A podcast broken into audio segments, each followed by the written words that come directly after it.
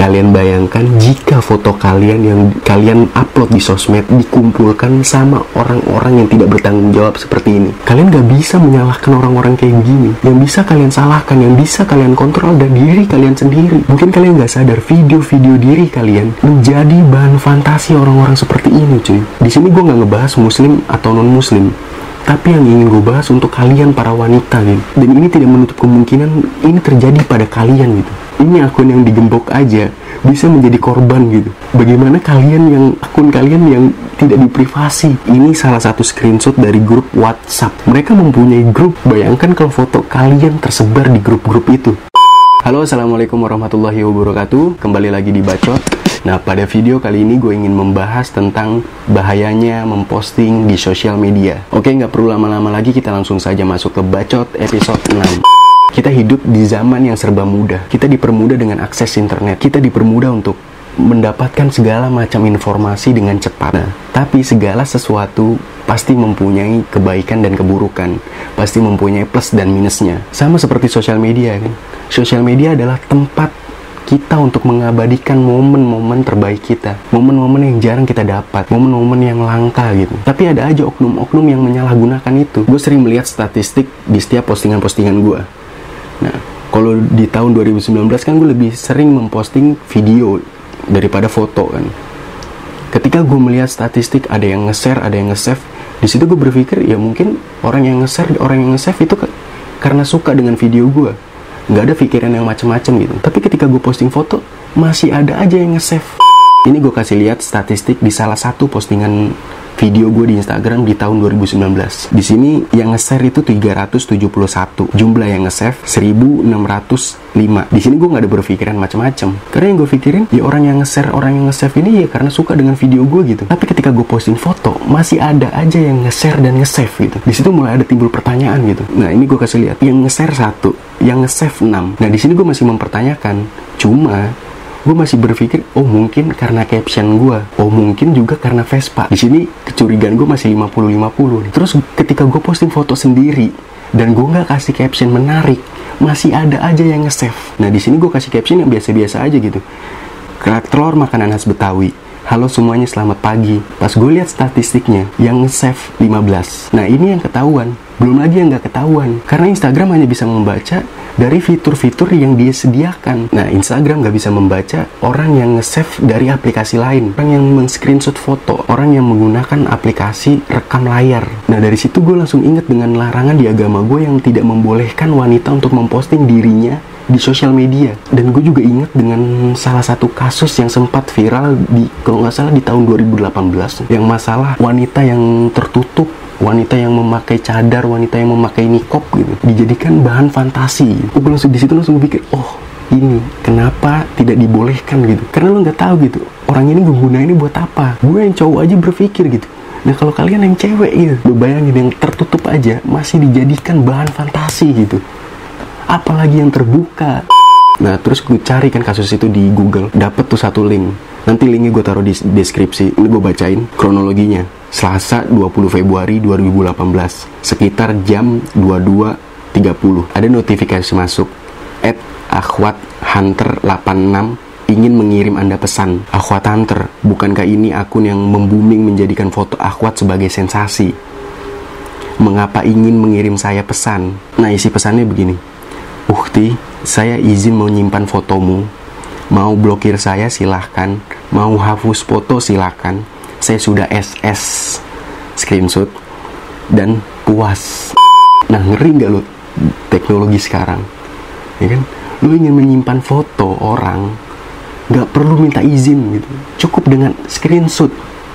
Lo bisa menyimpan foto orang lain di HP lo ini bahayanya nih ya kan lu nggak tahu lu mau masih asik-asik aja gitu foto lo disimpan video lo disimpan di galeri orang dijadikan bahan untuk berfantasi Lanjut inget ini, maaf saya ambil fotonya waktu itu. Sudah lama dan saya sudah puas liatinnya. Saya balikin, saya tunggu foto-foto yang lain. Sangat menggugah mata. Tolong jangan salahkan saya. Iman saya naik turun kalau lihat akhwat cadar upload foto selfie. Bener-bener menggairahkan. Lo bayangin, orang yang bercadar tertutup masih dijadikan bahan untuk berfantasi. Ngeri nggak lu? Bagaimana orang yang terbuka gitu? Bagaimana orang yang nggak pakai jilbab? Bagaimana orang yang pakai pakaian seksi? Lanjut ke percakapan yang kedua. Sekali lagi jangan salahkan saya. Para akhwat itu benar-benar menggairahkan. Maafkan saya. Waalaikumsalam. Saya nggak menyalahkan Anda. Itu berawal dari kesalahan saya. Terima kasih sudah mengingatkan saya agar lebih bisa menjaga diri mengingatkan saya bahwa wanita memang seharusnya menutup auratnya serapat-rapat mungkin, terlebih di dunia maya. Semoga kita bisa sama-sama berubah menjadi lebih baik lagi, khususnya di hadapan Allah.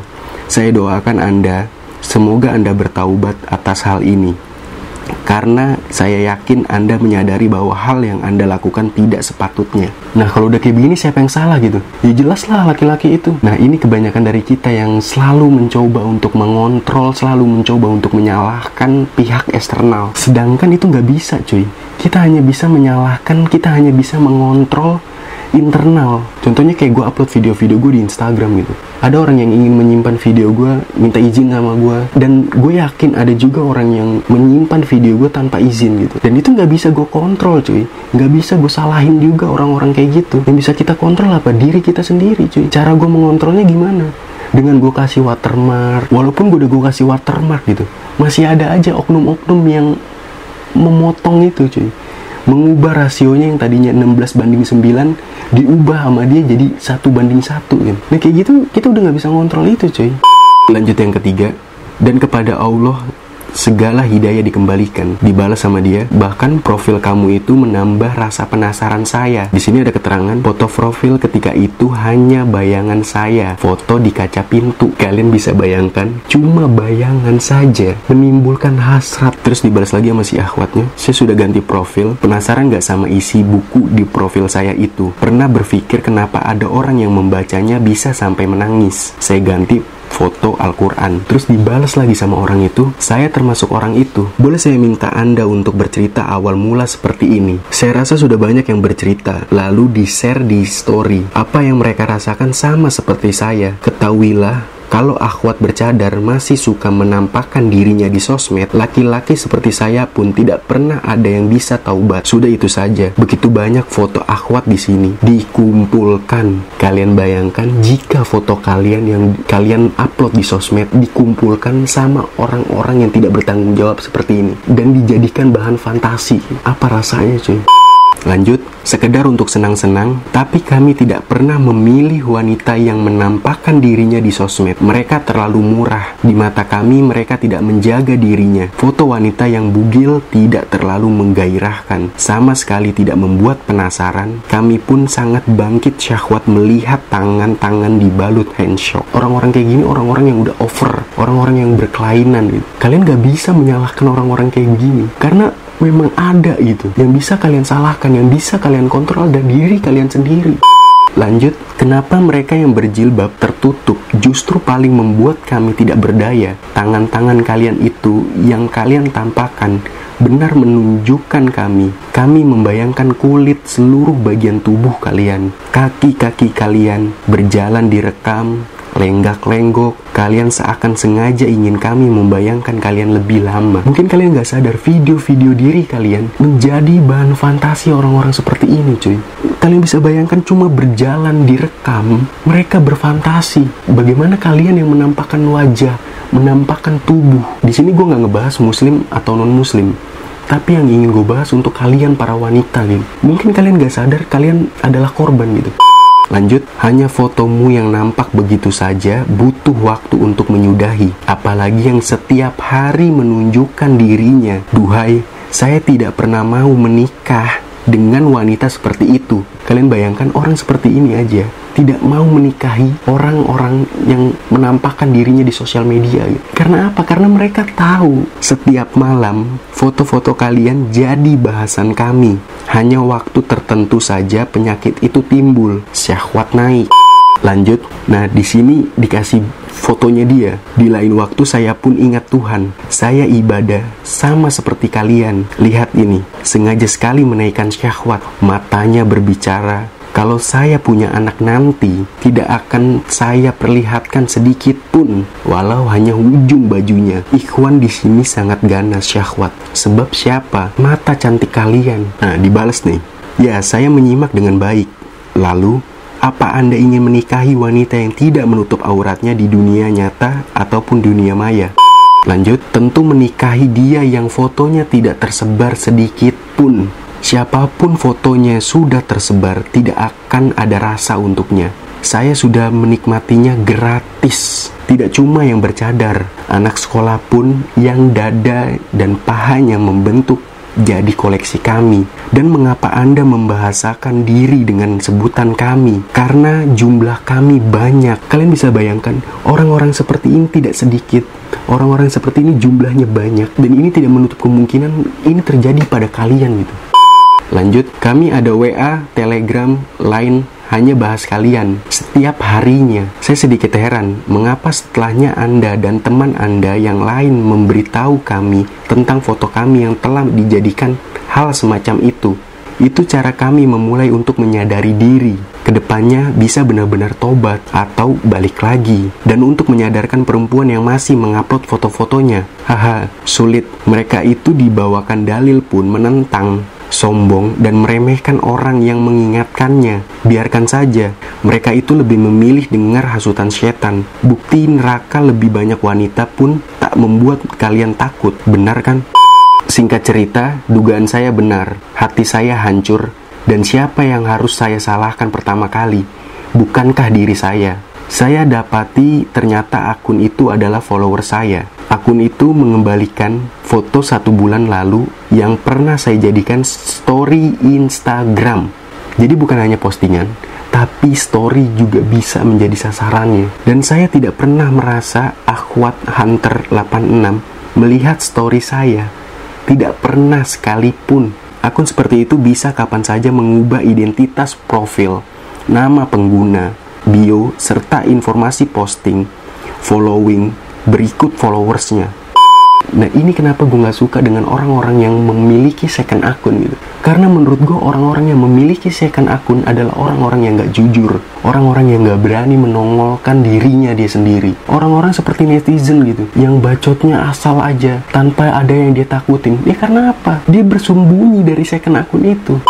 Nah ini ada cerita yang lain tapi berbeda. Assalamualaikum admin, Ana mau menceritakan sesuatu terkait selfie akhwat. Ana sebenarnya mantan anggota akhwat hunter, yaitu sebuah komunitas rahasia yang senang mengoleksi foto-foto akhwat untuk dijadikan bahan fantasi seksual kami. Bahkan dijadikan bahan untuk editan Photoshop yang keji. Kalian bisa bayangkan jika foto-foto kalian dikoleksi sama orang-orang seperti ini, diedit dengan editan yang keji gitu. Agar si akhwat tak merasa risih masih di follow oleh laki-laki terutama yang akunnya digembok dan seneng live Instagram, puas rasanya bisa lihat wajah akhwat yang cantik dan dengar suara yang mendayu-dayu lewat live Instagram mereka. Ini akun yang digembok aja bisa menjadi korban gitu. Bagaimana kalian yang akun kalian yang tidak diprivasi? Tapi makin ke sini, Ana merasa bersalah atas apa yang telah Ana lakukan. Ana ingin bertaubat dan berhenti menjadi akhwat hunter. Ana ingin menjadi salah satu pendukung anti selfie akhwat. Isi chat ini boleh admin posting juga agar banyak akhwat yang sadar bahwa mereka dalam bahaya pemerkosaan visual oleh akhwat hunter. Tapi tolong rahasiakan identitas akun ini admin. Dalam waktu 2 kali 24 jam, Ana akan nonaktifkan akun ini setidaknya setelah pesan ini dibaca oleh admin dan pesan permintaan maaf maaf Ana dibaca oleh akhwat yang telah Ana salah gunakan fotonya. Nah, ini ada foto-fotonya. Bayangkan kalau ini foto kalian gitu. Apa yang kalian rasakan? Ini selanjutnya nih, ada keterangan nih, cerotin muka si adek. Gimana rasanya kalau foto atau video kalian dijadikan bahan berfantasi orang-orang seperti ini. Ini salah satu screenshot dari grup WhatsApp. Mereka mempunyai grup. Bayangkan kalau foto kalian tersebar di grup-grup itu. Itulah kenapa wanita dilarang untuk memposting dirinya di sosial media karena sesuatu yang sudah diposting di sosial media itu sudah abadi. Oke, sekian dulu video kali ini dari gue. Jangan lupa untuk like video ini jika kalian suka. Jangan lupa juga untuk share video ini ke teman-teman kalian. Semoga video ini bermanfaat. Sampai berjumpa di video-video selanjutnya. Salam manusia.